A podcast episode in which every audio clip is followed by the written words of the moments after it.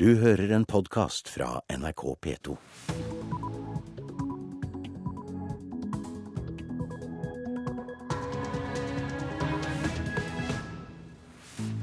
Klokka er 6.30 fredag 15. februar.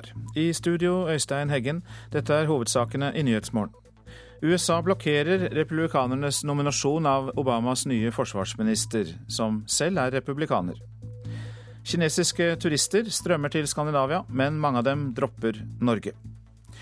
NSB skal bygge tusenvis av boliger på stasjonseiendommer rundt Oslo, og hevder at de skal klare å frakte enda flere pendlere. Gode tilbud til de som skal reise, og å legge boliger på, på, en sånn måte rundt stasjoner, slik at det blir lett å bruke de kollektive reisetilbudene. Konsernsjef Geir Isaksen i NSB. Stor etterspørsel etter sykepleiere. Studentene merker at det blir stadig lettere å få seg jobb. De er veldig snille på sykehuset i Stavanger, så de tilbød meg eh, en hybel eh, etter å ha fått, eh, ble tilbudt jobb, da. Jim Harald Olsby. I USA har republikanerne blokkert en avstemning i Senatet om godkjenning av republikaneren Chuck Hagel som ny forsvarsminister. Motstanderne av president Obamas valg av statsråd har klart å utsette godkjennelsen i ti dager. Republikanerne har krevd mer tid til å få svar på spørsmål om sin partifelle Chuck Hagel. Chuck Hagel beskyldes for å være for svak overfor Iran, lite Israel-vennlig, og flere av kollegene glemmer ikke at han brøt partidisiplinen da Hagel sa at han var imot Irak-krigen. Men det handler like mye om Det hvite hus' håndtering av Benghazi. Republikanerne mener Obama ikke har offentliggjort nok om hva som skjedde da USAs konsulat i Libya ble angrepet 11.9. i fjor. For første gang i USAs historie, skriver Det hvite hus i en uttalelse, har republikanerne i Senatet brukt filibustertaktikk overfor en utpekt forsvarsminister, en dekorert krigsveteran. Det er å sette politiske holdninger foran nasjonens sikkerhet, heter det i uttalelsen. Chuck Hagel er allerede godkjent av forsvarskomiteen i Senatet, og det er ventet at han får grønt lys, og USA en ny forsvarsminister, når et fullsatt senat skal stemme om halvannen uke 26.2. Anders Tvegård, Washington. Mens kinesiske turister strømmer til Skandinavia, så dropper mange av dem Norge. Årsaken er det kjølige forholdet mellom Norge og Kina, mener Hilde Charlotte Solheim i Virke reiseliv. Ved starten av sommersesongen lå vi an til et rekordstort besøk fra Kina til Norge. Men så fikk rett og slett reisebransjen i Kina beskjed om å kansellere norgesreiser, og det førte til en god del avlysninger. Så derfor så fikk vi faktisk en nedgang nå sist sommer. Mens den danske turistindustrien melder om en vekst på 35% i antall overnattinger av kinesiske turister i fjor, sto de norske tallene nesten på stedet hvil. Og mens 6% flere kinesere søkte turistvisum i Norge, kan Sverige vise til en økning som er mer enn dobbelt så høy. Hilde Charlotte Solheim i Virke mener dette kan tilskrives det kjølige forholdet mellom Norge og Kina etter at den kinesiske dissidenten Lu Xiaobo fikk Nobels fredspris. Hun avviser at det er noe galt med det norske turistproduktet. Kommer du helt fra Kina, så er du gjerne på en rundreise i Skandinavia, og da er faktisk de norske fjordene et av de mest attraktive innholdene. Så da har du gjerne en rundreise hvor du faktisk er flest dager i fjordene. De siste åra har det kommet vel 30 000 kinesiske turister hit til landet, viser tall fra UDI. Mens mange europeiske land opplever stagnasjon, vil Kina og resten av Asia bli stadig viktigere for norsk turistnæring, sier Solheim i Virke. Kina kommer til å være verdens største utgående reisemarked. Bare en liten andel av alle kinesiske turister som skal ut og oppleve verden og Europa, vil være nok til å fylle mange norske distrikter med turister i framtiden. Så idet vi får normalisert forholdet mellom Norge og Kina, så venter vi en stor turistvekst fra Kina i årene som kommer. Hilde Charlotte Solheim i Virke, og reporter var Tom Ingebrigtsen. Forsvarets bistand til politiet i terrorsaker er høyst sannsynlig i strid med Grunnloven. Det mener en rekke jurister Bergens Tidende har snakket med. De hevder at regjeringen tolker loven feil. I et hemmeligstempla notat konkluderte Heimevernets jurister allerede i 2007 med at Forsvaret ikke har hjemmel for å bruke makt mot norske innbyggere. Det er forsker Ragnar L. Auglend og førsteamanuensis Eirik Holmøyvik ved Det juridiske fakultet i Universitetet i Bergen enige i. Det såkalte Dombås-notatet ble sett på som en lærebok om hjemler på dette området. I notatet reiser Heimevernets jurister sterk tvil om Forsvarets bistand til politiet for å motvirke og bekjempe terrorisme er i samsvar med Grunnloven. Tre år senere forlangte Forsvarsdepartementet at hele notatet skulle trekkes tilbake. Generaladvokat i Forsvaret, Arne Willy Dahl, sier han lenge har argumentert for å få en hjemmel i loven for Forsvarets bistand til politiet. Sa reporter Anders Aalbu. Flere meteoritter har i morgentimene eksplodert over et område i Ural i Russland. Flere personer skal være skadd. Hva mer vet du om det, utenriksmedarbeider Morten Jentoft? Ja, eh, Som du sier, så har det vært da det som man på fagspråket definerer mer eller mindre som en meteorittstorm. Altså en rekke mindre meteoritter som har da eh, gått ned gjennom atmosfæren og eksplodert der. Og eh, russiske medier melder nå at eh, minst fire personer på en skole i Tsjeljabinsk, denne millionbyen bakom Uralfjellet, skal være skadet da vindusruter har blitt knust pga. disse eksplosjonene. Og eh, Det har også vært vindusruter som har blitt knust mange andre steder i, i, dette området. her. Det dreier seg altså om flere meteoritter som har kommet inn i, inn, inn i atmosfæren. Det skal ikke være alvorlige skader, ifølge russiske medier, men eh, mange har selvfølgelig blitt blitt uh, urolige når de har sett disse eksplosjonene på himmelen. Noen har trodd at det har vært fly som har eh, hatt problemer og som har eksplodert. Sånn at uh, russisk politi og, og, og, og, krisemyndigheter har da blitt nedringt av, av bekymrede folk som har lurt på hva dette er for noe. Du følger med på dette meteorittnedslaget i Russland. Takk skal du ha, utenriksmedarbeider Morten Jentoft. Så til norske aviser. Jeg har på mange måter mistet mitt liv, sier Astrid Gjestvang til Aftenposten. Hun er avbildet med sin mann Halvor, som eh, hun både pleier eh, og er terapeut for og trener for. 25 000 gjør som henne og sparer det offentlige for store summer. Klart bønnesvar fra imam er oppslaget i Vårt Land om taxisjåføren som stanset for å be mens han hadde et oppdrag. Muslimer må få be, men det er helt uakseptabelt at det går utover jobben, sier en av Oslos imamer, Faruk Terzic. Norges mektigste byråkrat ba Stortinget om å spørre mindre, skriver Dagens Næringsliv. Men da fikk finansråd eh, Svein Gjedrem svar på tiltale. Høyres Per Christian Foss er himmelfallen, Dagfinn Høybråten fra KrF har ikke sett maken, og Fremskrittspartiets Øyvind Korsberg kaller Gjerdrems oppfordring til de folkevalgte for pinlig uprofesjonell. Oddfjell-søstre inn i nytt rigeeventyr, skriver Bergens Tidende. To av Norges rikeste kvinner, Marianne og Helene Oddfjell, kaster seg inn i kampen om lukrative borerigg-reparasjoner. Og Gulen kommune i Sogn kan få 400 nye jobber. Er Agder for avhengig av olje og gass? Det spør Fedrelandsvennen om. 35% av verdiskapningen i Agder kommer fra olje- og gassrelatert virksomhet, mens gjennomsnittet for Norge er 20 Høyres byråd i Oslo vil ha krisesenteret ut på anbud, skriver Klassekampen. Det gir frykt for katastrofal priskrig, sier lederen for Krisesentersekretariatet, Tove Smådal. Nå slår forskere omega-alarm, ifølge Dagbladet. Omega-6 i visse typer planteoljer kan skade hjertet. Forvirring rundt regjeringens mål for salg av spesialmat, skriver Nasjonen. Bygdeforskning er skeptisk til om regjeringens mål om 20% omsetning av spesialmat fra lokale produsenter kan nås. Skvises for å redde Italia, er oppslaget i Dagsavisen. Krisen rammer vanlige folk med høyere avgifter, mer skatt og høyere pensjonsalder.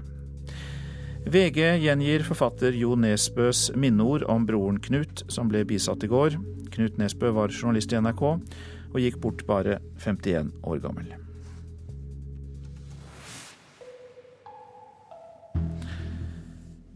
NSB skal bygge 10 000 boliger på gamle stasjonseiendommer rundt Oslo de neste årene.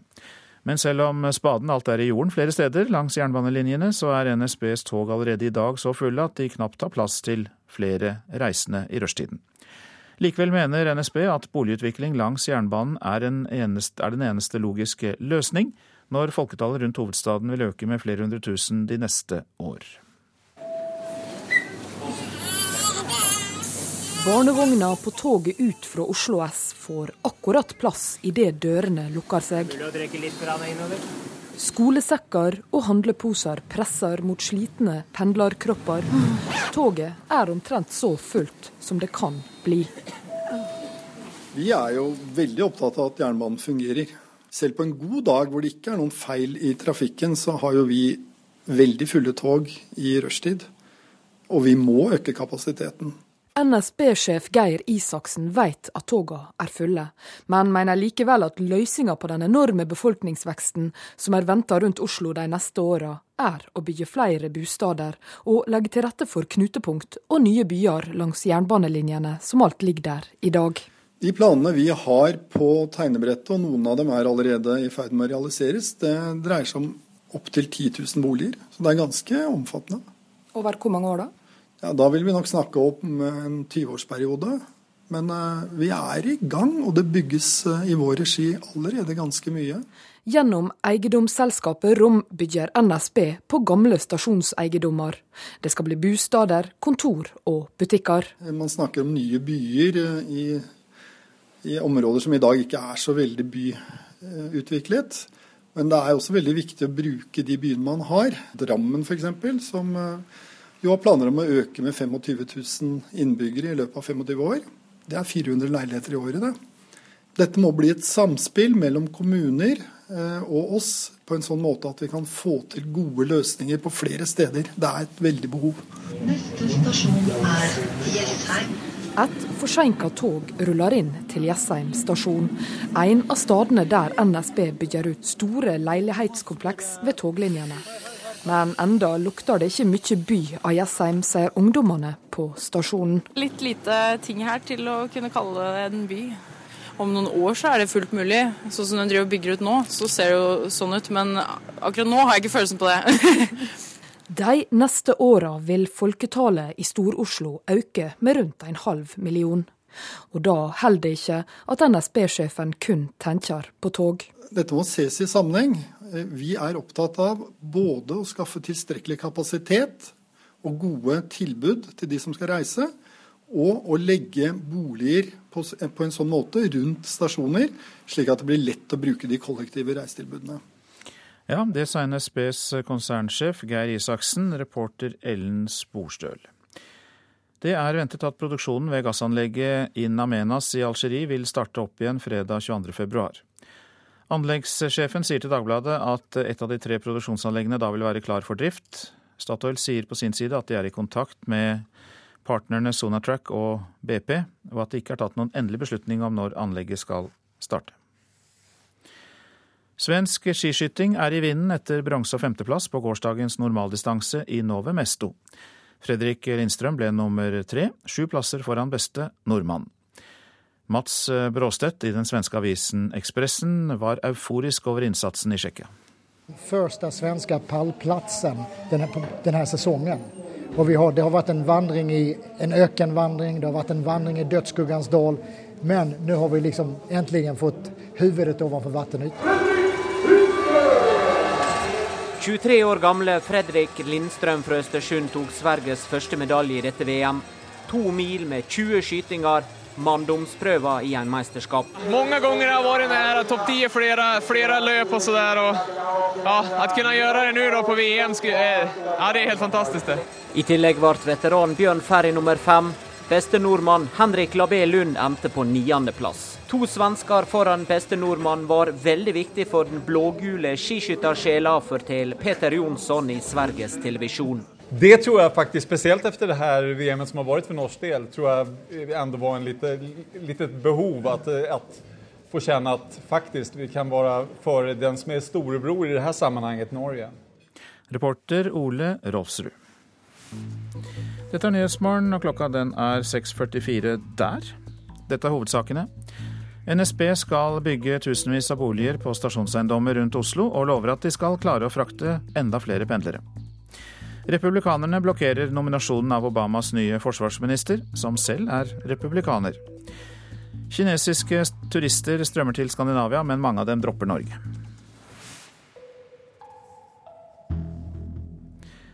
Flere og flere melder seg som frivillige i ideelle organisasjoner. Særlig etter 22.07 har tallet på frivillige steget, og det nådde en topp i jula, da rekordmange familier ville være vertskap for ensomme. Men hjelp til andre kan også være hjelp til selvhjelp. Bjørn Sæther ble en av de frivillige i kriminalomsorgen, og unngikk dermed et liv som ensom pensjonist. Steke kyllingen her. Nå har jeg gjort ferdig salaten. Han lager mat til tidligere innsatte. Bjørn Sæter har 24 års erfaring i restaurantbransjen, men starta et liv som frivillig i kriminalomsorga etter at han ufrivillig ble pensjonist. Jeg har jo vært ansatt i hotell- og restaurantbransjen. Da. Det var i grunn, De 22 årene de var i grunnen veldig bra, men de to siste da begynte jeg å få vanskeligheter på jobben. Plutselig så var jeg pensjonist i en alder av 62 og visste liksom ikke hva jeg skulle gjøre. Dagene alene ved kjøkkenbordet med bare radioen som selskap ble ensomme. Eh, så jeg begynte å gjøre meg refleksjoner og tanker, og jeg begynte å få nerver også. Og jeg er jo alene. Dette at jeg kom inn i Røde Kors og ble frivillig og fikk lov til å hjelpe andre, da, eh, det hjalp meg veldig godt, altså. For Bjørn ble frivillig tilvære redninga fra å være ensom pensjonist. Flere ideelle organisasjoner melder om en økning i tallet på frivillige. Norsk Folkehjelp har hatt en økning på 40% de siste tre åra, og i lag med Røde Kors opplevde de en enorm økning, særlig etter 22.07. For Røde Kors toppa det seg i jula, da det var flere som ville invitere folk hjem på julefeiring, enn det var folk som ønska noen å feire med. Men medan Røde Kors generelt alltid har behov for flere, blir andre organisasjoner nærmest slått over ende av frivilligbølga. I dag har vi mange telefonvenner, og eh, flere telefonvenner enn vi har brukere. Arnulf Andersen er daglig leder i Telefonkontakt for eldre og uføre. En tjeneste der frivillige ringer til mennesker som vil ha kontakt med andre. Men han har for mange frivillige, og for få som innrømmer at de trenger en venn. Han er blant de som tror det er vanskelig å ta imot hjelp. Jeg tror også dette ordet, det å si at jeg er ensom, det kan være fryktelig vanskelig. Da kan det være lettere og like nyttig å melde seg som frivillig. Det kan Bjørn Sæter skrive under på. Og jeg, For meg øh, har dette her øh, gitt meg øh, et rikere liv i aller høyeste grad, altså. Så det fikk tilbake troen på meg, meg selv. Ja, det sa Bjørn Sæter til vår reporter Susanne Eggseth. God morgen til deg, Birgitte Brekke. Du er generalsekretær i Frivillighet Norge, og er det mange som Bjørn? Ja, Den historien han forteller har jeg hørt veldig mange ganger før. Eh, og det som er viktig å være klar over, det er det at frivillige organisasjoner i Norge de tilbyr aktiviteter som passer for enhver. Er du flink å snekre, oppsøk en kulturminnevernforening som trenger hjelp til å pusse opp gamle båter eller fyr. Oppsøk Turistforeninga som trenger hjelp til å pusse opp sine turisthytter, eller en speiderforening som trenger hjelp til hytta si. Er du sånn som Bjørn flink til å lage mat, oppsøk organisasjoner som eh, lager mat som, som det han gjør til rusmisbrukere og tidligere kriminelle. Altså, det finnes en oppgave som passer for alle. Men samtidig hørte vi at eh, det er eh, ja, I et tilfelle så var det vel en telefontjeneste der det var flere som ville være frivillige enn brukere. Er det et problem å få tak i de som kan ha behov for hjelp? Det varierer jo veldig. Altså, sånn som uh, generalsekretæren i Telefonkontakten sier, så tilbyr han en, en, tjeneste som innebærer at det sitter noen i andre enden og erkjenner at de trenger hjelp. Uh, den terskelen er veldig høy eh, hos folk. og altså sånn at For den type tjenester så, så, kan det nok kanskje være vanskelig. Men det er ikke noe til hinder for at folk kan melde seg som frivillige allikevel. Meld deg til organisasjonene. Jeg er helt sikker på organisasjonene organisasjonen skal hjelpe deg å finne noe du, fornuftig du kan gjøre. I går så sa jo sentralbanksjefen at vi jobber mindre enn de aller fleste land her i verden. Er dette med behovet for å finne på noe på fritida, har det sammenheng med at vi jobber så lite? Eh, det er vanskelig å si, men det er klart at når man har mer tid til overs, så har man også mer tid å gi til andre. Eh, og det merker vi jo i Norge. Vi er verdensmestere i frivillighet eh, sammen med svenskene. Det er ingen andre folkeslag som legger igjen så mye tid i frivilligheten. Halvparten av den voksne befolkningen i Norge deltar med frivillig innsats hvert år. Og når vi legger sammen alle timene som de frivillige legger igjen i Norge, så tilsvarer det 115 000 årsverk. Så det er helt åpenbart at landet vårt ville sett veldig annerledes ut uten frivilligheten. Nå var det sånn at eh, Frivillig-Norge, som du da tilhører, og kulturministeren og andre politikere drøftet dette med framtida for frivillighet. Eh, hvordan tror du det vil se ut om la oss si ti år? Jeg eh, håper at vi klarer å forvalte den ressursen som denne enorme viljen til å, å bidra i samfunnet innebærer. Eh, og skal vi forvalte det på en god måte, så må organisasjonene og myndighetene tenke sammen. For da er det viktig at vi sørger for at det er lett å være frivillig, og at det er lett å drive frivillig organisasjon. Eh, og da må, må, ikke det offentlige pålegge organisasjonene altfor mye byråkrati. Eh, fordi folk er frivillig for å bidra med meningsfulle oppgaver, sånn som Bjørn Sæther eh, forteller om. De er ikke frivillige for å fylle ut skjemaer eh, og registrere timer og, og, og den type ting. Det, det virker drepende på, på, frivilligheten. Men jeg er sikker på at hvis myndighetene er villige til å, å, å sette seg ned sammen med organisasjonene, så skal vi klare å forvalte og videreføre denne frivillighetsressursen inn i framtida ta med ressursen videre. Takk til deg, eh, Birgitte Brekke, som er generalsekretær i eh, Frivillighet Norge. Det er eh, stor etterspørsel etter sykepleiere her i landet. Mange kan få seg jobb før de er ferdig med utdanningen. De kommende åra er det behov for mange tusen ekstra sykepleiere. Student Jim Harald Olsby har allerede flere tilbud om jobber, og han hadde ventet større problemer med å få jobb. Nei, jeg trodde ikke det var så lett. Det trodde jeg ikke. Et halvt år før han var ferdig med utdanninga, fikk han tilbud om en lengre sommerjobb i Stavanger. Da hadde han også tilbud fra sentralsykehuset i Førde. De, eh, de, er veldig snille på sykehuset i eh, Stavanger, så de tilbød meg eh, en hybel etter ha fått, ble tilbudt jobb. da. Med tanke på at det er veldig dyre boligpriser i Stavanger. og og så vet jeg at studenter ikke har så mye, mye, penger, og at det er kanskje vanskelig å finne seg hybel. Sykepleierstudenter som Jim Harald merker at det er en økt etterspurnad etter de her i landet.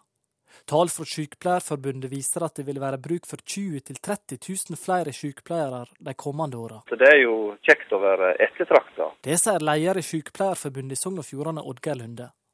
Årsaken til at det trengs flere er stor avgang pga. store kull som snart blir pensjonister. Men også reformer som Samhandlingsreforma, som gjør at også kommunene må ha flere sykepleiere.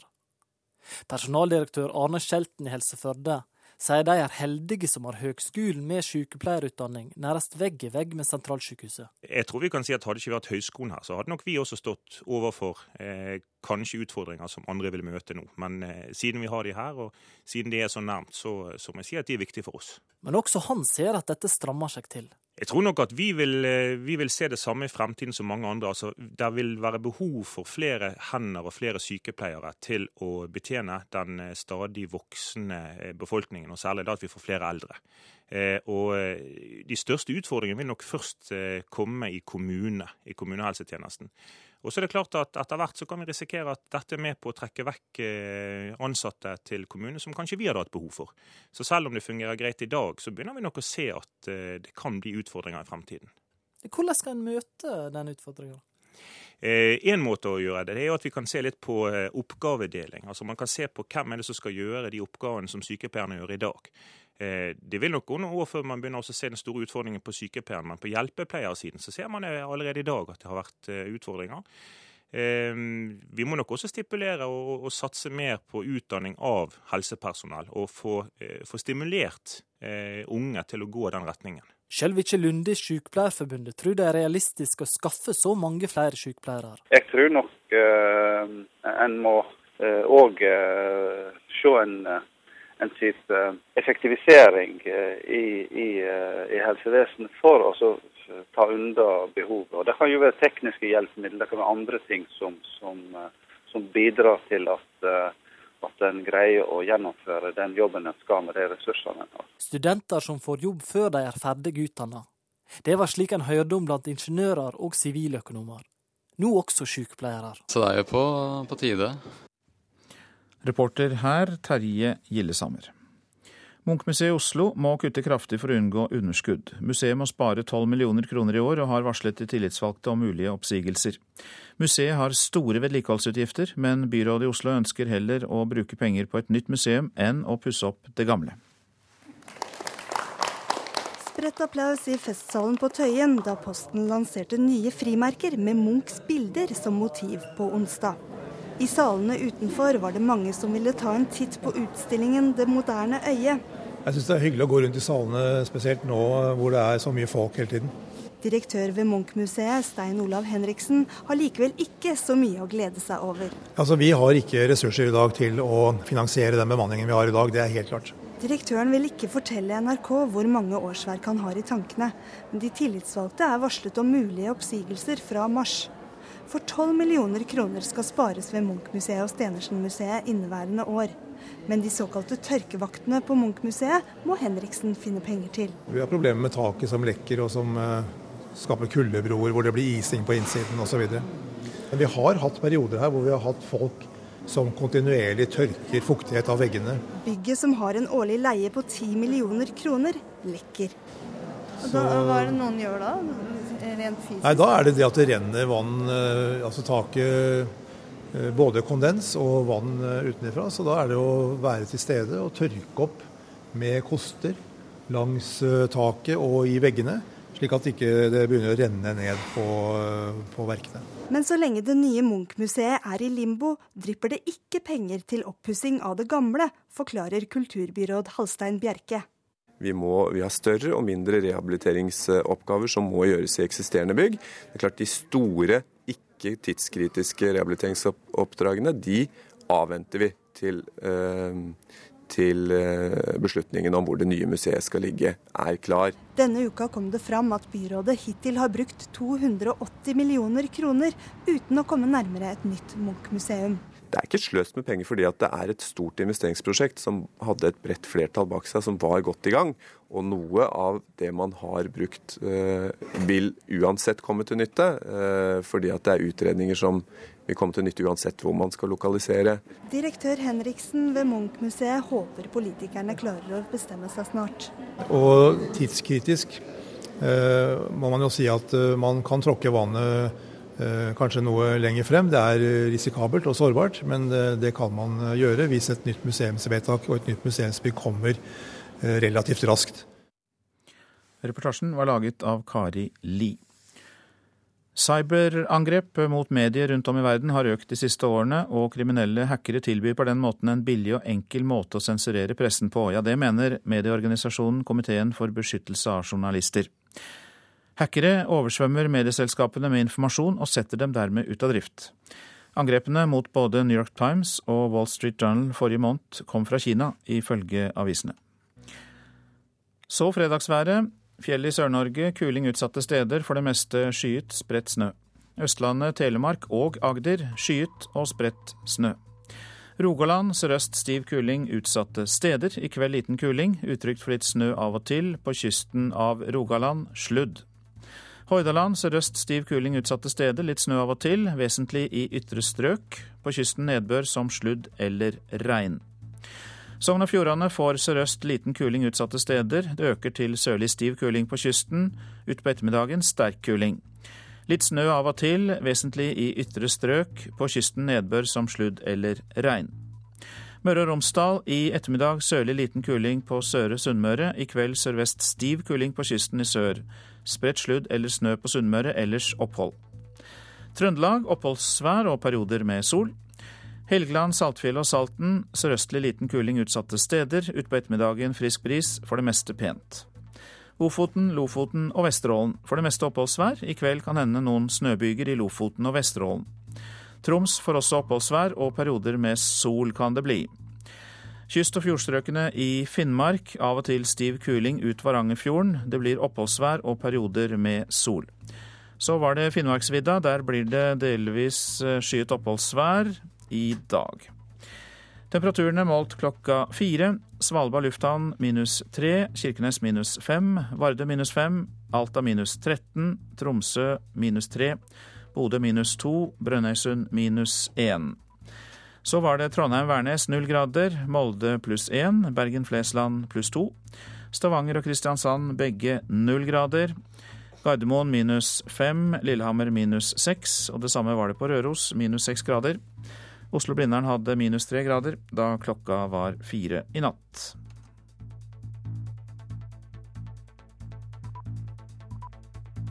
Du hører en podkast fra NRK P2.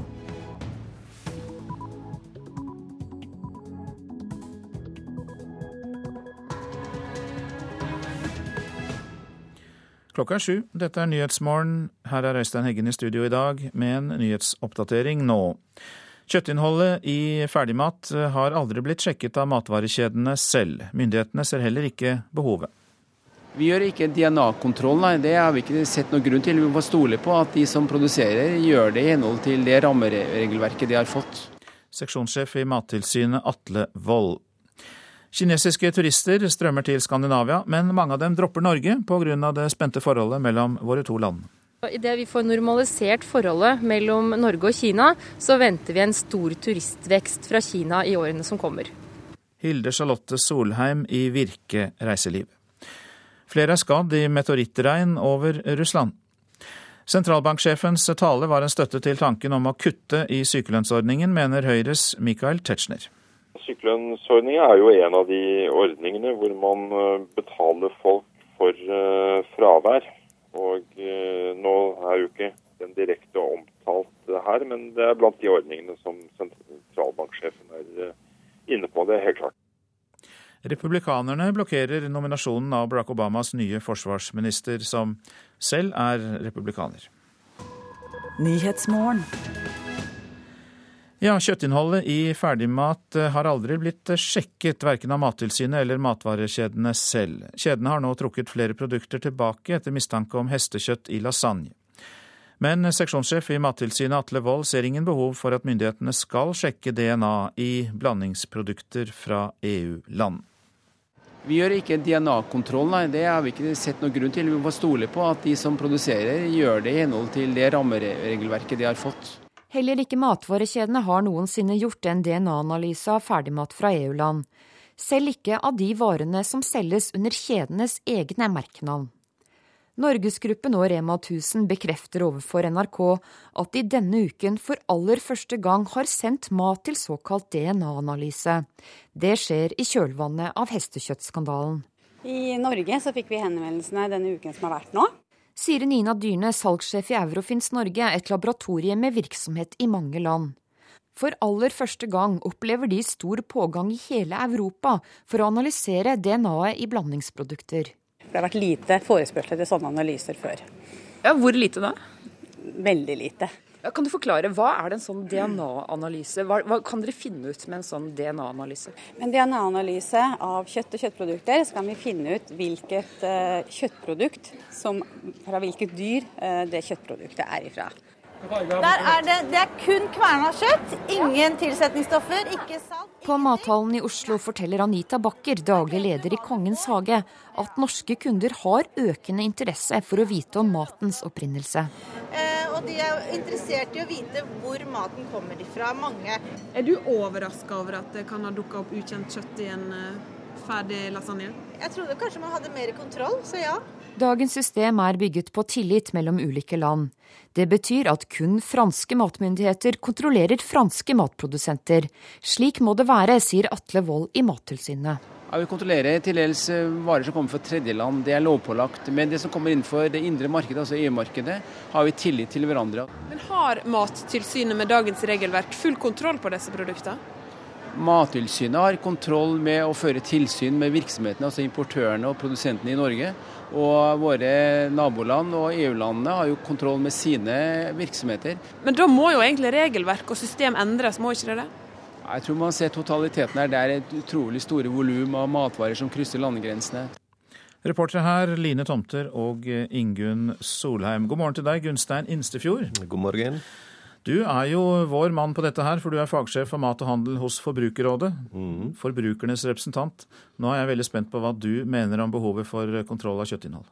Altså, det som er bekymringsfullt med hele denne saken, er det omfanget den, den har fått, og at det tok så lang tid før det ble oppdaga. Og det i seg selv viser at det her må kontrollrutinene bli bedre. Så vi, så vi, mener at det nå må innføres rutinemessige stikkprøver, og at leverandør må pålegges å ta sånne prøver.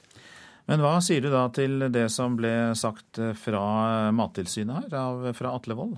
Altså, I denne saken så, så er, kom det nå frem at det antakeligvis er bevisst kriminalitet. Og vi skal være klar over at matindustrien blir stadig mer internasjonal. og Da må også kontrollrutinene bli bedre. Dermed er du enig med ham?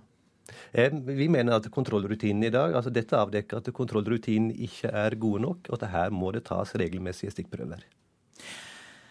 Dette med regelmessige stikkprøver er åpenbart da viktig for Forbrukerrådet. Er det andre ting som kan bidra til matsikkerhet? Det som er, er også veldig bekymringsfullt med denne saka her, er jo at en, en, en vet ikke om kvaliteten på dette kjøttet er godt nok. Altså Det er hestekjøtt, og eh, når det gjelder hest, så er det spesielle regler. For der blir det brukt medisiner som, som gjør mange dyr uegna til menneskeføde. Ja, for det tenkte jeg å spørre om. Eh, hestekjøtt er jo ikke i utgangspunktet helseskadelig, snarere tvert imot. Så det problemet er hva som kan ha vært nærmest eh, sprøyta inn i hesten tidligere? Ja, og her, altså her mangler en sporing. En vet ikke at dette er hest, og når en ikke, ikke vet det, så vet en heller ikke om dette kjøttet holder den standarden det skal. Hvilke stoffer er det da risiko for? Det er, det er bruk av medisiner i hestesporten som, som gjør dyr uegna til menneskeføde. La oss gå helt ned på det konkrete planet, da, ned i frysedisken. Hva bør jeg gjøre når jeg titter ned der? Ja, hvis du finner en lasagne som er kjøpt etter 1.8, så bør du gå tilbake igjen til butikken med den og si at du vil ha pengene igjen. Og så er det jo slik at altså, vi som forbruker er, er forskjellige. Eh, noen syns at det å spise hestekjøtt er greit, eh, noen syns det ikke er greit. Så det viktige er at den informasjonen du får på produktet, den skal være korrekt. Og vi må ha kontrollrutiner som forsikrer oss om at den informasjonen er korrekt. Hva gjør du og dere i Forbrukerrådet med dette nå, Gunstein Instefjord? Nei, vi har, vi, vi har, registrert denne saka med stor bekymring. Og vi mener denne saka her avdekker at det nå er behov for enda bedre kontrollrutiner. Vi har ryddige forhold i Norge, men matindustrien blir mer internasjonal, og da må kontrollrutinene bli enda bedre. Dere er klare med, klare med dette kravet, Gunstein Instefjord. Takk skal du ha, fagsjef for eh, mat og handel hos eh, Forbrukerrådet. Mens eh, kinesiske turister strømmer til Skandinavia, så dropper mange av dem Norge. Årsaken er det kjølige forholdet mellom Norge og Kina, mener Hilde Charlotte Solheim i Virke reiseliv. Ved starten av sommersesongen lå vi an til et rekordstort besøk fra Kina til Norge. Men så fikk rett og slett reisebransjen i Kina beskjed om å kansellere norgesreiser, og det førte til en god del avlysninger. Så derfor så fikk vi faktisk en nedgang nå sist sommer. Mens den danske turistindustrien melder om en vekst på 35% i antall overnattinger av kinesiske turister i fjor, sto de norske tallene nesten på stedet hvil. Og mens 6% flere kinesere søkte turistvisum i Norge, kan Sverige vise til en økning som er mer enn dobbelt så høy. Hilde Charlotte Solheim i Virke mener dette kan tilskrives det kjølige forholdet mellom Norge og Kina etter at den kinesiske dissidenten Lu Xiaobo fikk Nobels fredspris. Ja, det var Tom Ingebrigtsen som var reporter her. Med oss har vi eh, Jing Ling, daglig leder i reiseoperatøren Plusstour, som selger turer til Kina og tar imot eh, kinesiske turister eh, til Norge. Du er med oss fra studio på Tyholt i Trondheim. Og hva mener du er årsaken til at Danmark og Sverige opplever en større vekst enn vi gjør? Ja, det... Hallo, er jeg der? Du er med. Ja, hei. Det er nok flere årsaker. Jeg er enig med de, de en Betydning, ja. Det andre årsaker kan være at Danmark og Sverige er mye mer kjent i Norge, vil jeg si. Fordi jeg husker at jeg vokste opp med, med Anders eventyr, og vi alle sammen ønsker å komme til Danmark og se på eh, hjemlandet sitt. Og, og så når i Sverige så har vi kjøpt Volvo, så vi eier Volvo nå, så alle ønsker seg å komme og se på den plass, den fabrikken. Så det er nok, eh, det er nok eh, Danmark og Sverige har mer kjent. Og så tredje ting, så jeg tror også med den direktfrie tilgangen. fordi at uh, vi har ikke direktfri fra Kina til Oslo. For du må gjennom uh, la vi si, andre land. Mens også Danmark og, og, og Stockholm har dem direktfri direkte fra Kina. Så også den fjerde ting, jeg tror også hvordan vi pakker våre fantastiske produkter. Hva, vi må nesten vite hva kinesisk virkelig vi har fra, Kina, fra Norge. Så det, disse årsakene tror jeg nok er sammensett til de, de, de, de kom mer til Danmark, til Sverige, i Norge. Ja, dette med at uh, kineserne faktisk eier Volvo, og så har de lyst til å komme og se på fabrikken, det er nå én ting. Og så er det ikke direkte fly til Norge, det er det til de andre landene, det er en annen ting. Og at vi kanskje ikke pakker inn produktene så godt heller, slik som kineserne vil ha dem. Men det det kanskje koker ned til for mange, er jo også fredsprisen til Liu Xiaobo. Ja, det, akkurat nå er jeg har mørke. I fjor hadde nesten ikke noen tur til meg kom til Norge. Alle sammen er unngår det. Det er fakta. Mm. Hva gjør du med det, for du vil jo gjerne ha kineserne hit? Jeg vil gjerne ha kinesisk hit, og, og, men det som er jo kines, Den lesebransjen er veldig regulert i Kina. Det er eh, den store klima uh, sier at nå, akkurat nå vi venter på, så er det veldig ikke mange som tør å gjøre så mye mot, for å si det sånn. Nei, så, så, du mener dere er låst fordi uh, reisebransjen er så kontrollert av myndighetene? Ja, det er nok. Det, det, det, Kina er jo Kina, så, så lese, lesebransjen er jo akkurat med andre bransjer. Det er, det er regulert av myndigheter, så, så, så, så, du kan ikke gjøre så veldig mye med det. Foreløpig kan vi ikke det, men du driver din uh, reisevirksomhet til og fra Kina. Hjertelig takk for at du var med oss, Jing Ling, som da er daglig leder i Pluss Tour. Nå til sentralbanksjefens tale, for det var en støtte til tanken om å kutte i sykelønnsordningen. Det mener i hvert fall Høyres Michael Tetzschner. Vi kan ikke ha en ordning som betaler folk for å være borte fra jobben, sier Tetzschner. Dette er en debatt som vil komme tilbake. Michael Tetzschner sikter til sykelønnsordningen. Dette er en ordning Høyre bør kutte i, mener han. Og han tror at han nå har fått drahjelp av sentralbanksjef Øystein Olsen, som sa dette i går kveld.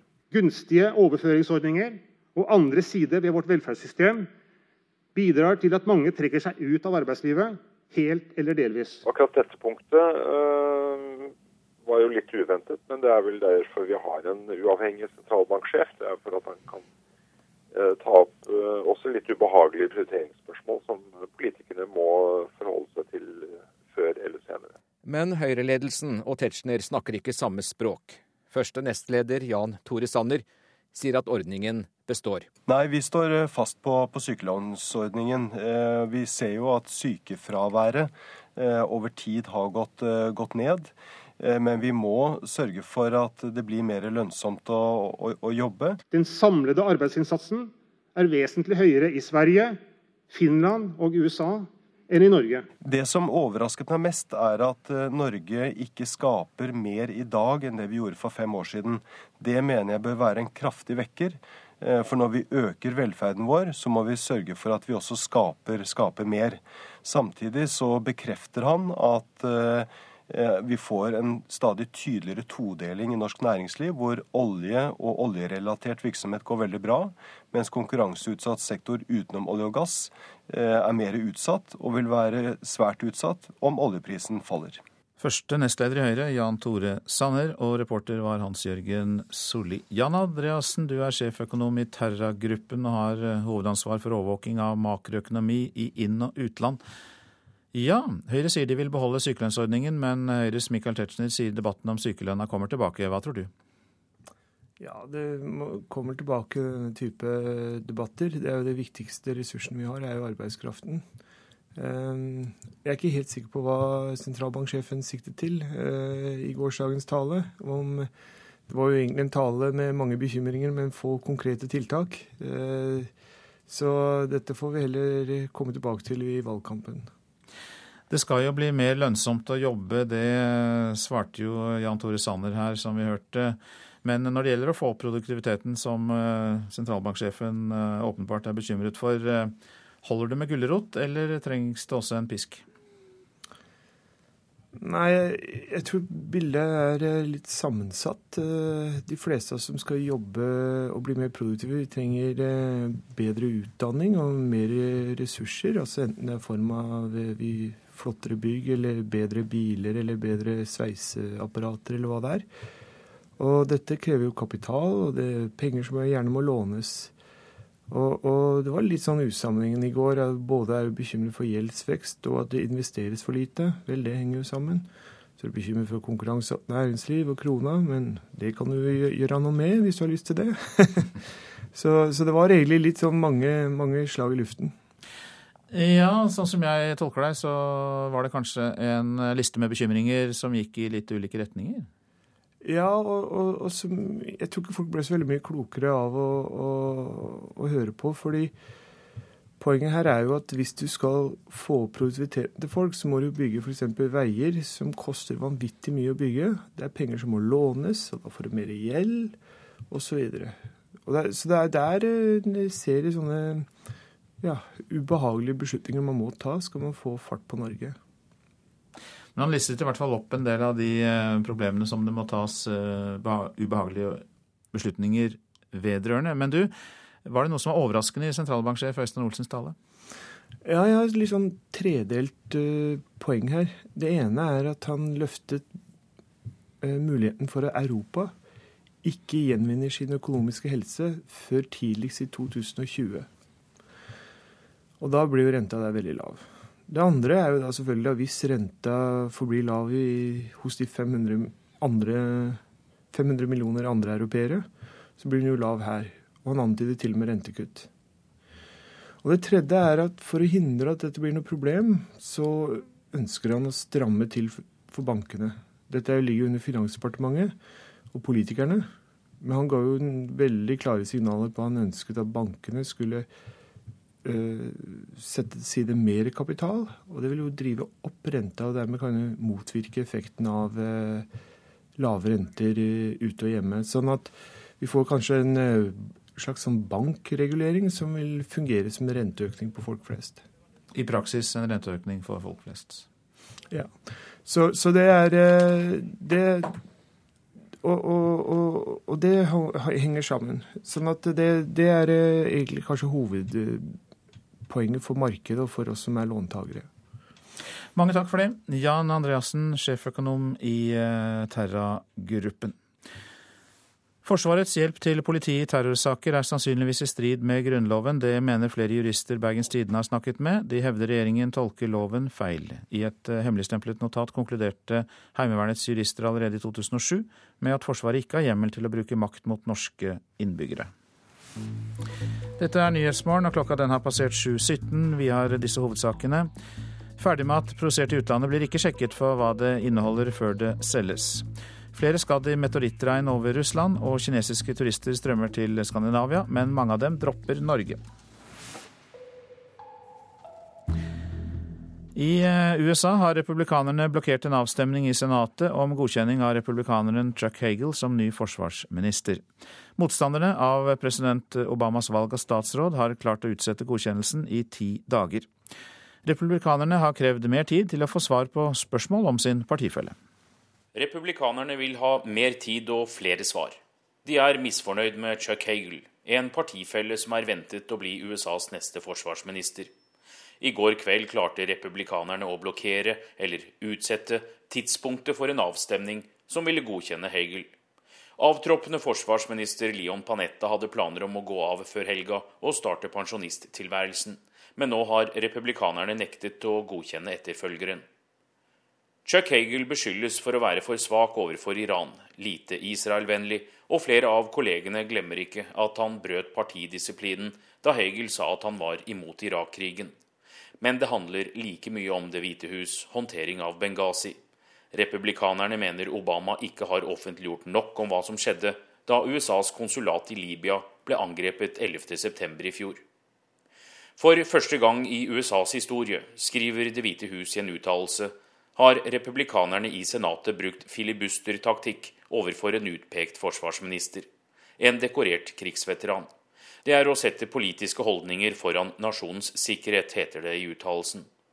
Det skjer ikke uten konsekvenser, ifølge Det hvite hus, og viser til de 66 000 soldatene utplassert i Afghanistan som venter på beskjed om når de kan reise hjem til USA.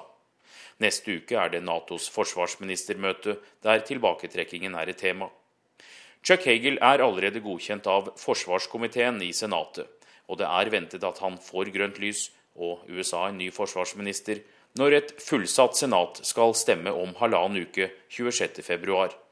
President Barack Obama sier at han håper og forventer at Senatet godkjenner hans håndplukkede kandidat. Anders Tvegård, Washington. Flere meteoritter har i morgentimen eksplodert over et område i Ural i Russland, og fire personer er skadd, melder russiske medier. Skadene skal først og fremst ha skjedd pga. trykkbølger.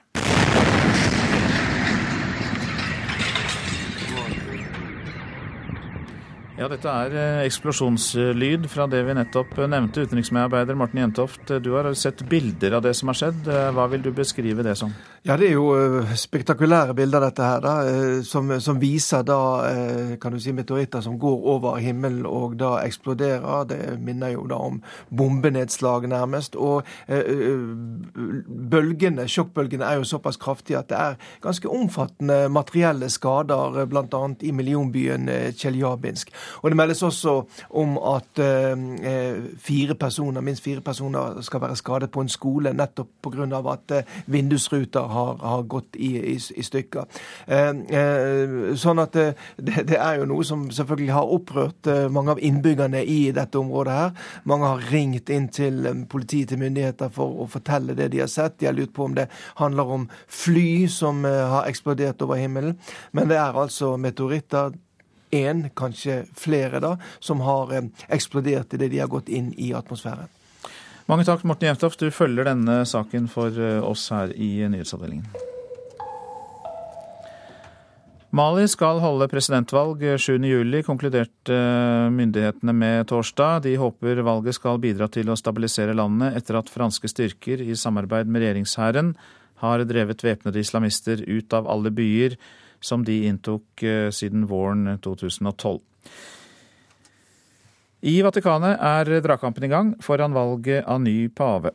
Pave Benedikt den 16., som trakk seg på mandag, skal de siste årene ha vært bekymret for rivaliseringen mellom enkelte av kardinalene.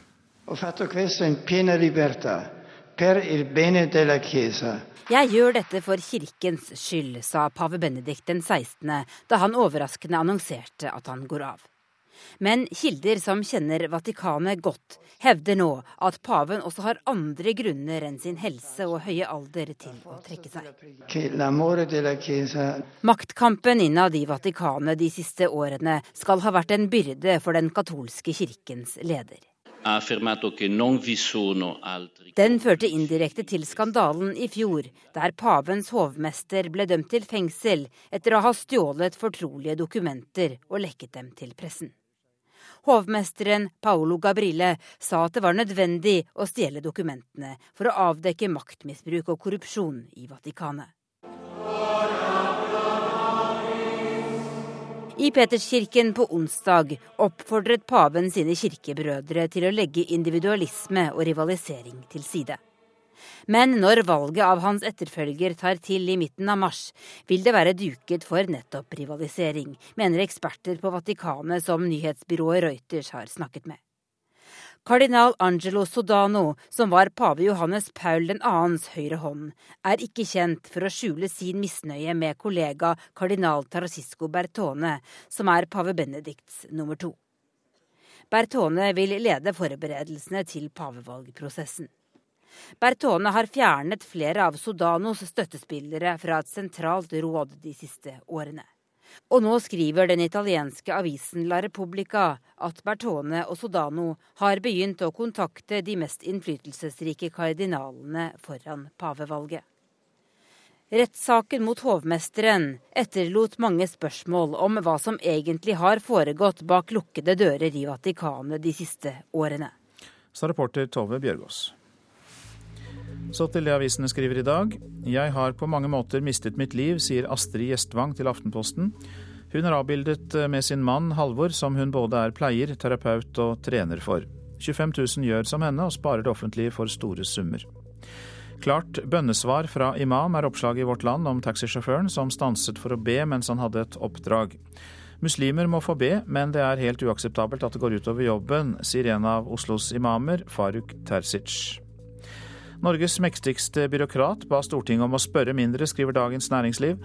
Men da fikk finansråd Svein Gjedrem svar på tiltale. Høyres Per Christian Foss er himmelfallen, Dagfinn Høybråten fra KrF har ikke sett maken, og Fremskrittspartiets Øyvind Korsberg kaller Gjerdrems oppfordring til de folkevalgte for pinlig uprofesjonell. Oddfjell-søstre inn i nytt riggeeventyr, skriver Bergens Tidende. To av Norges rikeste kvinner, Marianne og Helene Oddfjell, kaster seg inn i kampen om lukrative boreriggreparasjoner. Og Gulen kommune i Sogn kan få 400 nye jobber. Er Agder for eh, avhengig av olje og gass, spør Fedrelandsvennen. 35% av verdiskapningen i Agder kommer fra olje- og gassrelatert virksomhet, mens gjennomsnittet for Norge er 20 Høyres byråd i Oslo vil ha krisesenteret ut på anbud, skriver Klassekampen. Det gir frykt for katastrofal priskrig, sier lederen for Krisesentersekretariatet, Tove Smådal. Nå slår forskere omega-alarm, ifølge Dagbladet. Omega-6 i visse typer planteoljer kan skade hjertet. Forvirring rundt regjeringens mål for salg av spesialmat, skriver Nasjonen. Bygdeforskning er skeptisk til om regjeringens mål om 20% omsetning av spesialmat fra lokale produsenter kan nås. VG gjengir forfatter Jo Nesbøs minneord om broren Knut, som ble bisatt i går. Knut Nesbø var journalist i NRK og gikk bort bare 51 år gammel.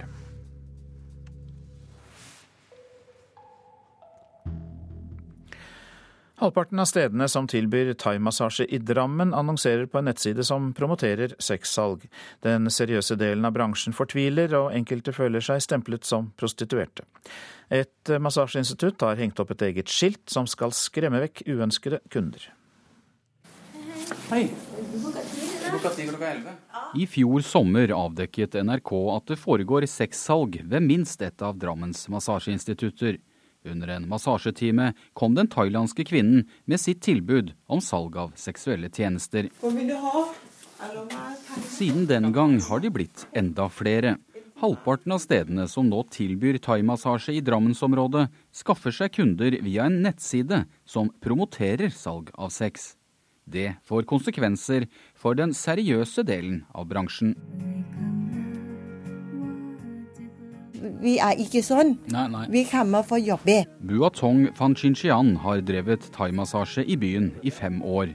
De to siste har hun opplevd en økende strøm av kunder som ønsker å kjøpe sex. Hva sier du til de når de, når de spør om det? Jeg sier nei. Vi jobber ikke med seksuell. Vi kan gi deg god behandling her for kroppen din, men det er ikke seksuell. Derfor ikke kjøpe her. Nå har hun satt opp et skilt som skal skremme vekk sexkundene. Kjære kunde som ønsker en god og positiv opplevelse, vi utfører kun seriøs og tradisjonell thaimassasje.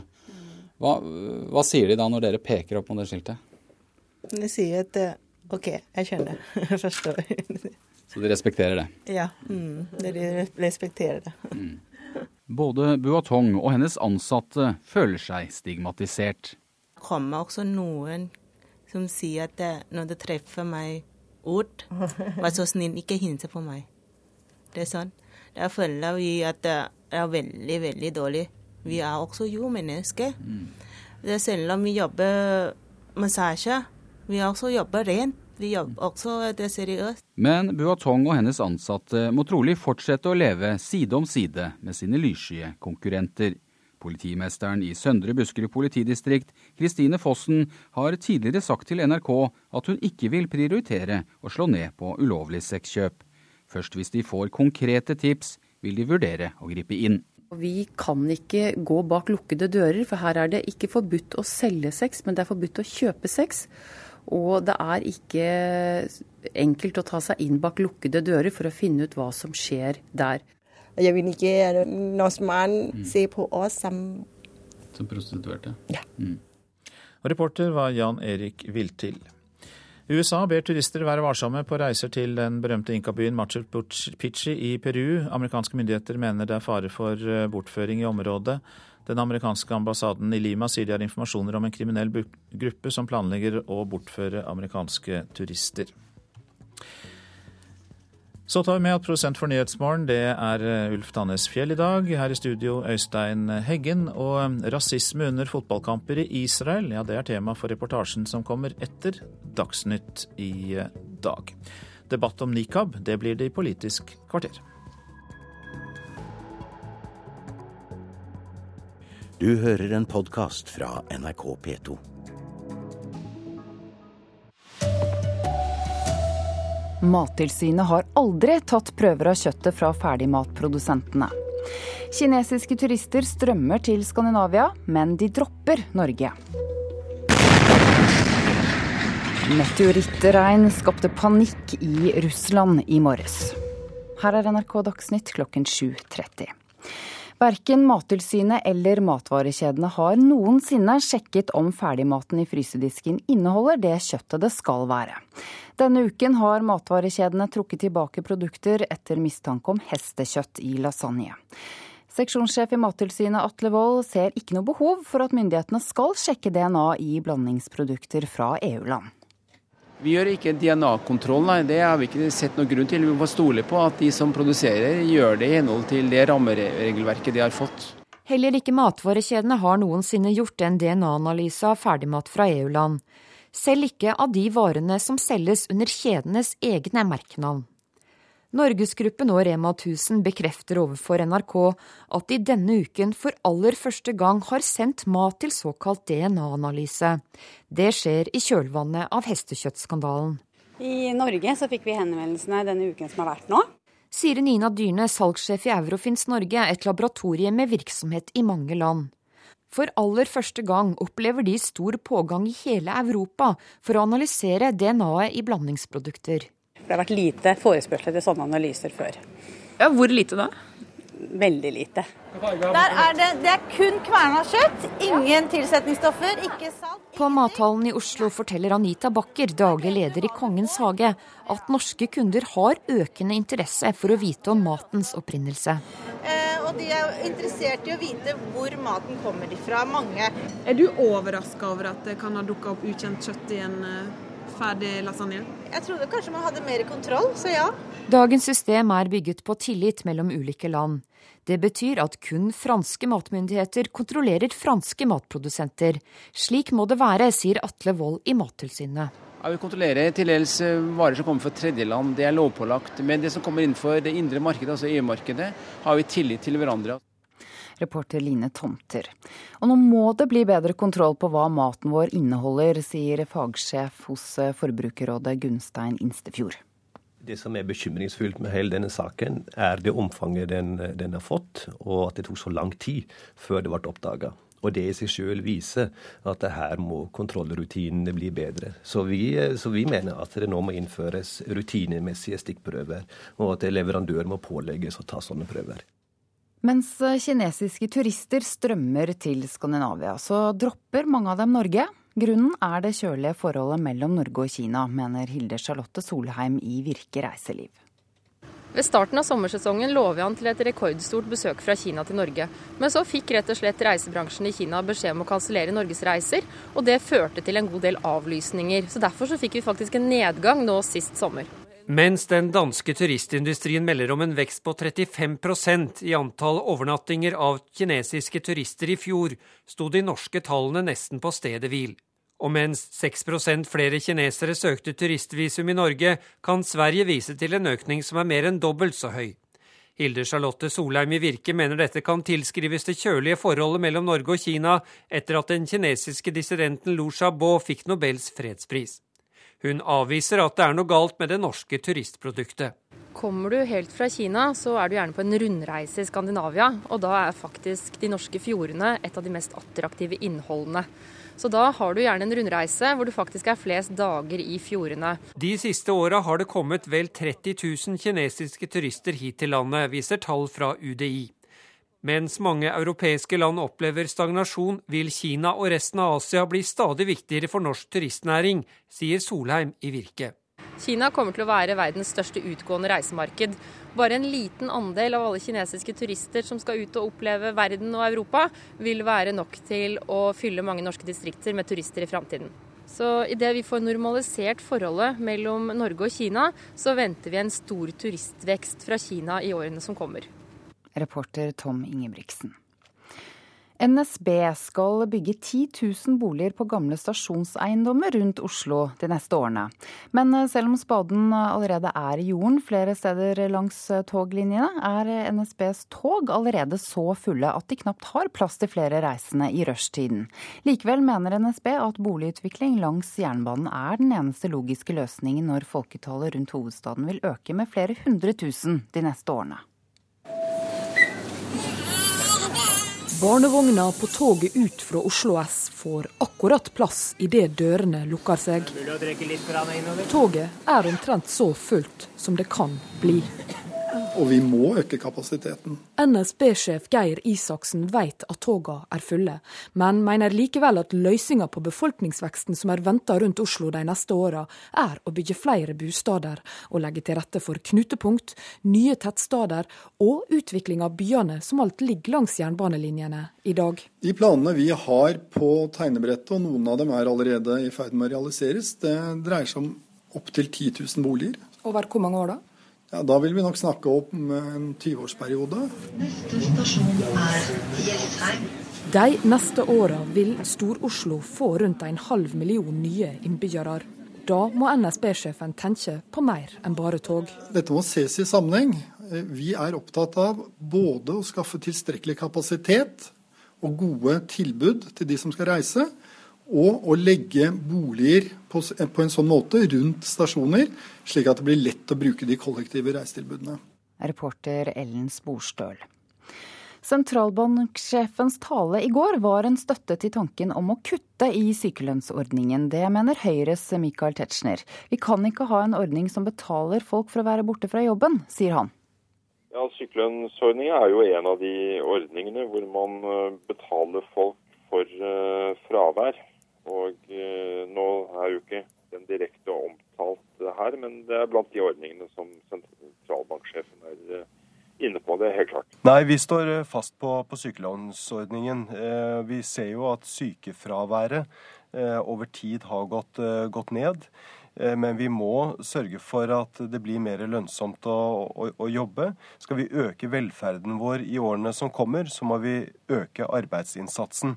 For det er jo faktisk arbeidskraften som bærer og finansierer velferden vår, og da må vi sørge for at det blir eh, mer lønnsomt å jobbe, og at vi yter litt mer ved å jobbe smartere. Det sa til slutt eh, Jan Tore Sanner i Høyre. USA sliter med å skaffe seg ny forsvarsminister. Motstanderne av president Obamas valg av statsråd har klart å utsette godkjennelsen i ti dager. Chuck Hagel beskyldes for å være for svak overfor Iran, lite Israel-vennlig, og flere av kollegene glemmer ikke at han brøt partidisiplinen da Hagel sa at han var imot Irak-krigen. Men det handler like mye om Det hvite hus, håndtering av Benghazi. Republikanerne mener Obama ikke har offentliggjort nok om hva som skjedde, da USAs konsulat i Libya ble angrepet 11.9. i fjor. For første gang i USAs historie, skriver Det hvite hus i en uttalelse, har republikanerne i Senatet brukt filibustertaktikk overfor en utpekt forsvarsminister, en dekorert krigsveteran. Det er å sette politiske holdninger foran nasjonens sikkerhet, heter det i uttalelsen. Chuck Hagel er allerede godkjent av forsvarskomiteen i Senatet, og det er ventet at han får grønt lys og USA en ny forsvarsminister når et fullsatt senat skal stemme om halvannen uke 26.2. Anders Tvegård, Washington. Så videre til eh, Russland. For eh, meteoritter har i morgentimene skapt panikk i Ural i eh, Russland etter at de eksploderte med kraftige smell. Skadene skal først og fremst ha skjedd pga. trykkbølgene.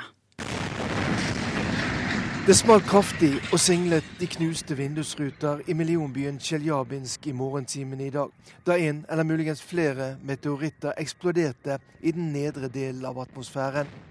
Nyhetsbyrået Interfax melder at minst fire personer er skadet av glassruter som har gått i stykker. Flere av dem skal være barn på en skole. Bilder som nå legges ut på internett, viser et kraftig lys som går over himmelen, fullt av eksplosjoner. Russiske myndigheter har ikke full oversikt over skadene ennå, men så langt ser det mest ut til å dreie seg om knuste vindusruter. Myndighetene vet heller ikke om det er én eller flere meteoritter som har falt ned, men mange har ringt inn til politiet for å fortelle om det de trodde var et fly som har eksplodert på himmelen. Russiske medier snakker om en meteorittbye over Ural i dag tidlig, og perioder skal det også ha vært problemer med mobildekningen i deler av det rammede området. Men så langt er det altså ikke meldt om alvorlige skader, og flytrafikken skal gå som normalt. Sa reporter Morten Jentoft. Ansvarlig for sendingene denne morgenen er Sven Gullvåg. Teknisk ansvarlig Hanne Lunås. Jeg heter Ida Creed. Du lytter til P2s Nyhetsmorgen. Supporterne til det israelske fotballaget Beitar Jerusalem ble rasende da klubben kjøpte inn to muslimske fotballspillere. Tilhengerne er beryktet for sin rasisme mot araberne, og det var spent før avspark mellom Beitar Jerusalem og den arabiske klubben Sahnin sist helg. Allah er stor, ropte Sahnin-supporterne da de ankom kamp mot Beitar sist helg. Stemningen var amper. 500 politifolk fryktet det aller verste. Bnei Sahnin er en israelsk-arabisk klubb fra Galilea med arabiske tilhengere. Klubben har fostret en av Israels største fotballstjerner, Abbas Sohan. Israelsk-jødiske Beitar Jerusalem hører til på Teddy stadion i Jerusalem. Laget har beryktede tilhengere fra den nasjonalistiske høyresiden. Rop som 'Mohammed er død' og 'død over arabere' er ikke uvanlig kost fra Beitars tribuner. Beitar Jerusalem har ikke villet ta inn muslimske spillere på sitt lag. Til nå. For 26.1 kjøpte klubbens eier, den søkkrike israelsk-russiske Arkadi Gaidamak, to muslimske spillere fra Tsjetsjenia. Beitar-supporterne ble rasende og hang opp banneret der det sto 'Et rent Beitar'. To dager etter at tsjetsjenerne hadde undertegnet kontrakter, satte noen fyr på fotballklubbens kontor. Derfor holdt alle pusten før avspark mellom den arabiske og den jødisk-israelske klubben på søndag. Stemningen var ikke god.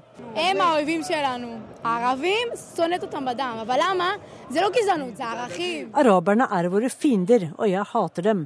Dette er ikke rasisme, men verdier, sa denne Beitar-tilhengeren til Associated Press.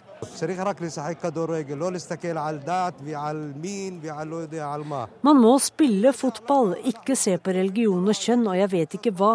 Vi fra Saknin kommer godt overens med alle fotballsupportere i Israel, unntatt dem fra Beitar. Hvorfor? Dette er et alvorlig problem som må løses, sa Saknin-supporter Abu Ayad Majed. Han er en av Israels arabiske statsborgere, som utgjør 20% av befolkningen. Beitar Jerusalem har mektige tilhengere, blant dem statsminister Benjamin Netanyahu og hans forgjenger Ehud Olmert. Olmert, som også har vært borgermester i Jerusalem, er alltid å se på Teddy stadion. Men rystet av rasismen skrev han i Israels største avis, Jediota Chronot, at en av de fineste dagene i israelsk sport var da Bnei Sahnin vant det nasjonale fotballmesterskapet i 2004. Det var rørende å se arabiske spillere danse med det israelske flagget. Olmert nekter å godta rasistene som ønsker seg et rent Beitar uten muslimer og arabere. Jeg nekter å komme på flere fotballkamper før rasistene er fjernet fra tribunene, skrev han. Jeg er lei av å bli satt i bås med de som roper på renhet. Som bruker samme ord som antisemitter, og som uttrykker hat, avsky og intoleranse av det mørkeste slag, skrev Beitar-supporter Ehud Omer. Så skulle det vise seg at kampen sist søndag ble en demonstrasjon mot den mest hardkokte og rasistiske Beitar-klanen. Den som på mafiavis bare kalles La Familia, og som teller opp mot 1000 medlemmer. For da den tsjetsjenske spilleren Kadiev løp ut på banen, ble han møtt av jubel fra tribunene. I tusentall hadde israelske fotballfans møtt opp for å sette rasistene på plass. Neste kamp mellom lagene fra Sahnin og Jerusalem vil vise om toleransen også seirer. Utenriksmedarbeider Sissel Wold rapporterte. Dette er Nyhetsmorgen, og dette er hovedsakene i dag. Ferdigmat produsert i utlandet blir ikke sjekket for hva den inneholder før det selges. Flere skadd i meteorittregn over Russland. Og kinesiske turister strømmer til Skandinavia, men mange av dem dropper Norge. Denne uken fortalte to muslimske kvinner om hvorfor de bruker nikab, som dekker alt bortsett fra øynene. Og Bjørn Myklebust, du er programleder for Politisk kvarter i dag. Etter NRKs Brennpunkts dokumentar sitter du igjen med noen spørsmål, du? Har vi noe med om muslimske kvinner kler seg for å følge Koranen? Er nikab et plagg som undertrykker kvinner? Og hva skjer hvis vi forbyr nikab?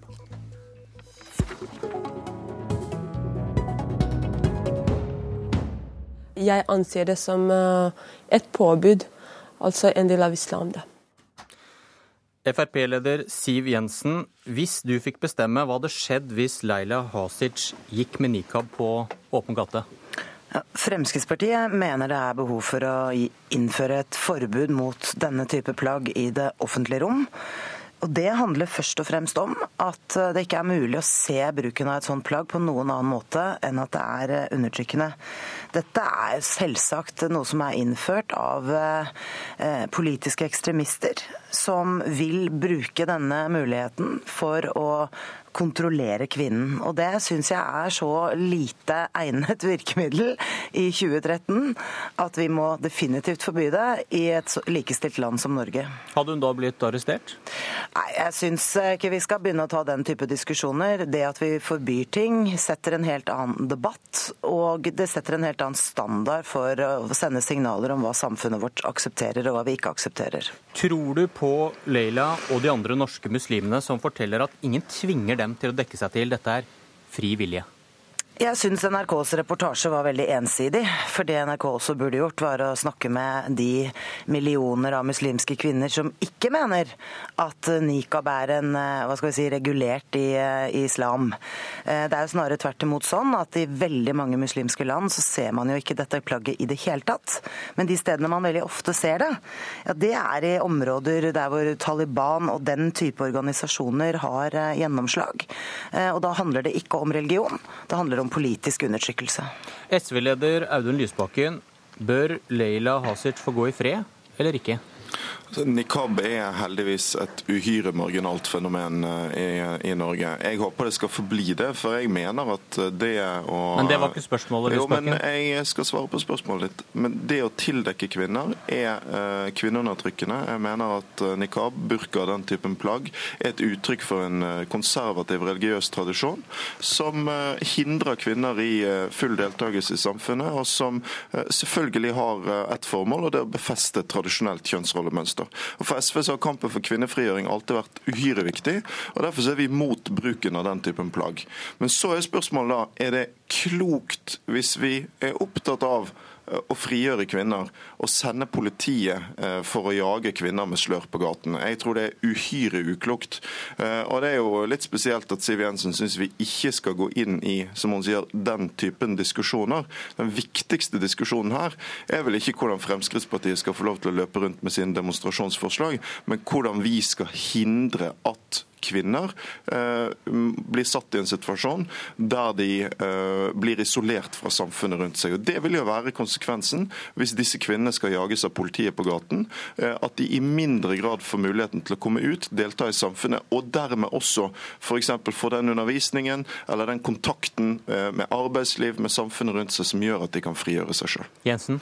Det er mange ting i Norge som er forbudt ved lov, som ikke betyr at politiet løper etter oss på gaten av den grunn. Så her syns jeg Lysbakken bruker retorikk for å tåpeliggjøre et veldig vanskelig problem.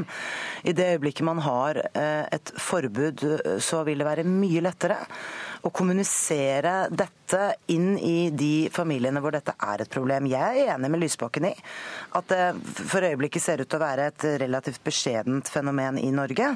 Men det er jo nettopp derfor det ikke burde være noe problem å forby det heller. Det vil virke preventivt, det vil være forebyggende, og det vil gjøre det mulig for oss å nå frem til dem eh, som opplever dette som et problem. Og dessverre så tror jeg nok det er sånn at de kvinnene som gir uttrykk for at dette gjør de av egen fri vilje, har blitt fortalt at de skal si det. Jeg har prøvd å ha på meg dette plagget. Eh, og jeg har aldri følt meg mer identitetsløs eller usynlig som når jeg hadde, var inne i dette teltet. Har du prøvd Lysbakken? Nei, jeg har ikke det. Men, eh, men, eh, selve ideen om at kvinner ikke skal synes, Eh, som er det den denne typen plagg bygger på, mener jeg er kvinneundertrykkende. Det er med på eh, å skape en rolle, en posisjon for kvinner, som går stikk i strid mot de verdiene jeg og SV står for. SV har altså slåss i tiår etter tiår for kvinnefrigjøring i Norge. Men det som er påfallende med denne debatten, er jo hvordan Fremskrittspartiet, som aldri har deltatt i kvinnekampen, som tvert imot har strittet imot norske kvinners likestillingskamp bestandig, blir veldig opptatt av sånne spørsmål med en gang det er snakk om muslimer. Jeg frykter jo at dette mer enn å være en saklig diskusjon om hvordan vi hjelper disse kvinnene, er et grep Fremskrittspartiet tar for nok en gang å piske opp stemningen mot muslimer, som de alltid gjør når de gjør det dårlig på meningsmålingene. det, det syns jeg er bekymringsfullt. Jeg vil gjerne svare på det, for det rare er jo at SV er villig til å bruke tvang i likestillingens navn når det gjelder ting som eh, kvotering i styreverv, når det gjelder pappapermisjon osv. Mens i dette alvorlige tilfellet hvor det virkelig handler om kvinneundertrykking, ja da vil SV lukke øynene og snakke om dialog. Det er altså ikke så lett å nå frem til miljøer ved hjelp av dialog hvis det er en sterkt nedarvet ukultur. Da må vi altså sette klare rammer og grenser gjennom forbud, for det er den eneste måten vi kan sikre at disse kvinnene blir frigjort. Ok, Linda Alf-Shagari, du er leder i tenketanken Minotenk. og Du har også forsøkt å gå på gata i nikab. og Hvordan var det? Nei, det var eh, ja, Jeg var ganske ung, men eh, jeg syns det var eh, veldig leit å se at en del, særlig eldre mennesker, ble litt skremt. Så det synes jeg, det er det jeg på en måte har båret med meg og argumentert mot de jentene jeg kjenner som bruker det, eller har lyst til å begynne å bruke det. At jeg synes det rett og slett er uislamsk å gå rundt og skremme mennesker. Men er det et undertrykkende plagg, mener du? Ikke nødvendigvis. Det er ikke sånn som jeg sitter og, og hører på Siv Jensen, så, så, så så kjenner hun nok ikke så mange jenter med nikab. Eh, og særlig de jentene som bruker det i Norge, de har ikke noe tradisjon for det fra sine familier eller bakgrunnsland. I demografiske Norge så har vi få eh, muslimske innvandrere fra land hvor det er utbredt med nikab. Og i land hvor nikab brukes, eller burka eller lignende plagg, så er det veldig forskjellige grunner til at det brukes. Eh, det trenger ikke nødvendigvis være politisk. Altså Hvis du drar på landsbygda i Tyrkia, så ser du også gamle kvinner bruke det uten at det har noen politisk betydning. Hva vil et forbud føre til, tror du? Jeg er redd for at det for det første vil føre til at eh, en del jenter vil begynne å bruke det av trass. Fordi at eh, det rett og slett er en rekke av mange ville vært en, altså en ekstrem handling, egentlig det å forby noens personlig frihet. Det er ganske ekstremt. Det er illiberalt, og det er ikke akkurat en god måte å fronte eh, det liberale samfunnet vi ønsker å ha i Norge. Jeg syns det er litt merkelig at Frp går i bresjen for å, å, å innskrenke individs frihet. Man kan ikke um, og selv om de påstår at det handler om tvang, så blir det jo enda mer ironisk at man skal da eh, bekjempe tvang med tvang. Men du, du frykter en radikalisering hvis ja, man forbyr? Ja, absolutt. For hvem er det som står klar til å, til å, ta imot og støtte disse jentene? Jo, nettopp profetens Umma og lignende type eh, mennesker. Og det har vi allerede sett. I, altså hvis man har fulgt med tett på den debatten, og det ser man jo veldig tydelig på de politikerne som uttaler seg, spesielt fra Frp, at de ikke har gjort. Jeg lurer på om noen, noen av dem i det hele tatt har sett eh, dokumentaren ordentlig. Eh, så, så er, har det faktisk vært tilfellet.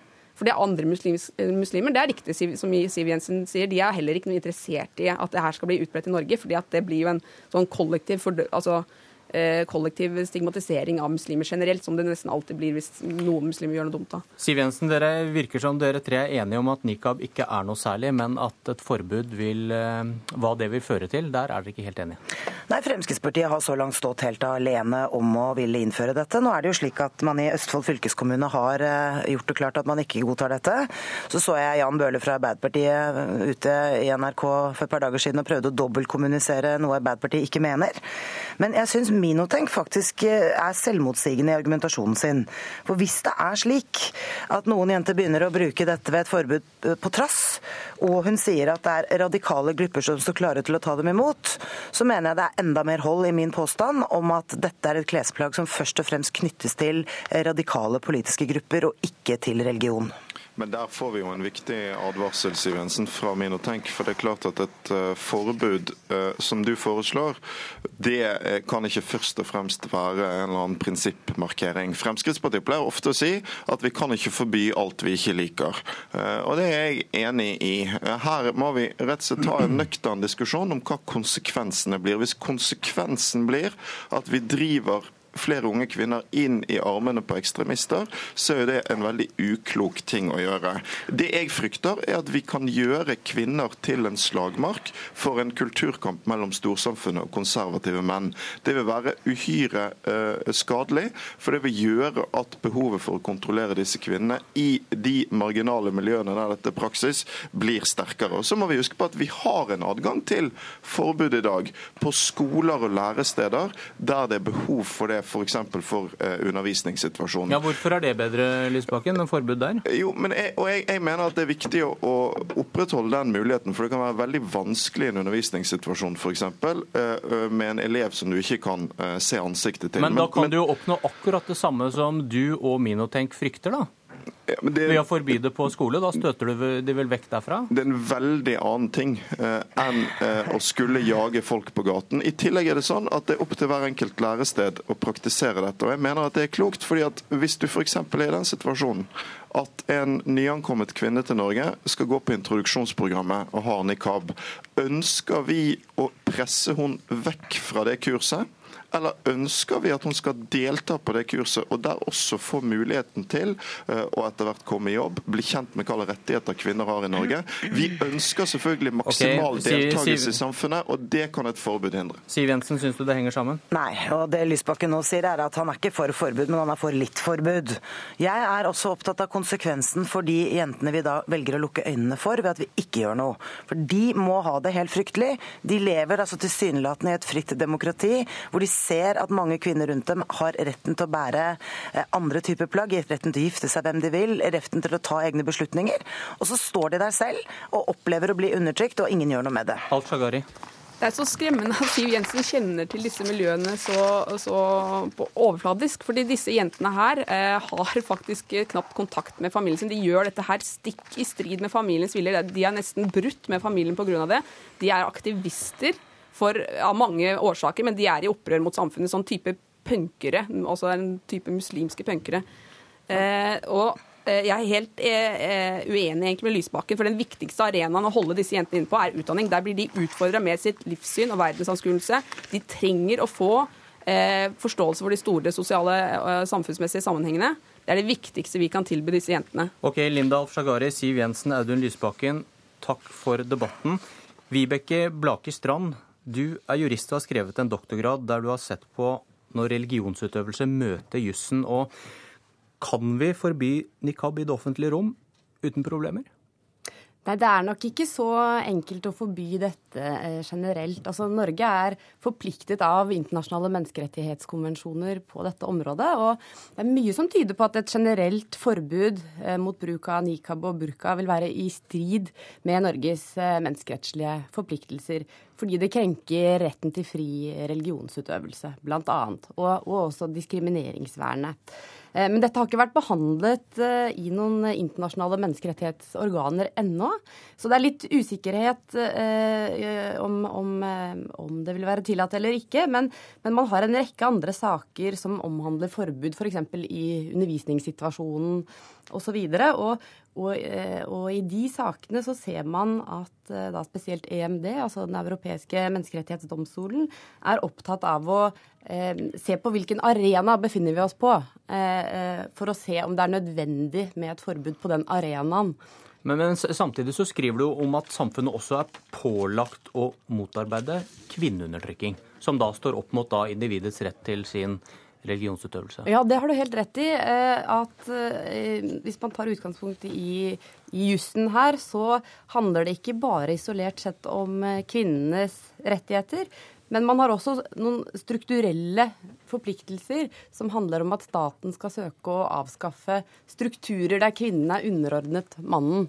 Eh, kvinnekonvensjonen er helt sentral her. Og et sånt strukturperspektiv som handler om, om, de signaler bruken sender ut, vil også være relevant. Så man har en situasjon hvor individets rettighet og dette strukturperspektivet kommer i en slags konflikt. Men det gir ikke politikerne fritt spillerom, da, gitt at man kan da velge hvilken, hvilken fot man, man, lener seg på, om det er da individet eller da kvinneundertrykkingsperspektivet? Slik jeg har eh, tilnærmet meg dette, så vil trolig et generelt forbud gå for langt selv om man også trekker inn dette strukturperspektivet, eh, fordi at det rammer, eh, rammer for bredt. Fordi det kreves noen man skal ha noen konkrete holdepunkter eh, som begrunner hvorfor det er behov for, for, et forbud. Og konsekvensene kan jo bli veldig store hvis kvinner ikke kommer seg ut av huset. Kort til slutt, endrer dette seg hvis vi går nivået ned fra et forbud i det offentlige rom ned til arbeidsplassen, skolen? Ja, det gjør det. Eh, rettslig sett er det langt lettere å begrunne forbud mot denne type plagg eh, i utdanningsinstitusjoner og, og, på de aller fleste arbeidsplasser. Sånn at da vil det være et større handlingsrom eh, som man ikke har benyttet seg helt av i dag. Vibeke Blakerstrand, takk for at du kom til Politisk kvarter. Jeg heter Bjørn Myklebust. Du har hørt en podkast fra NRK P2.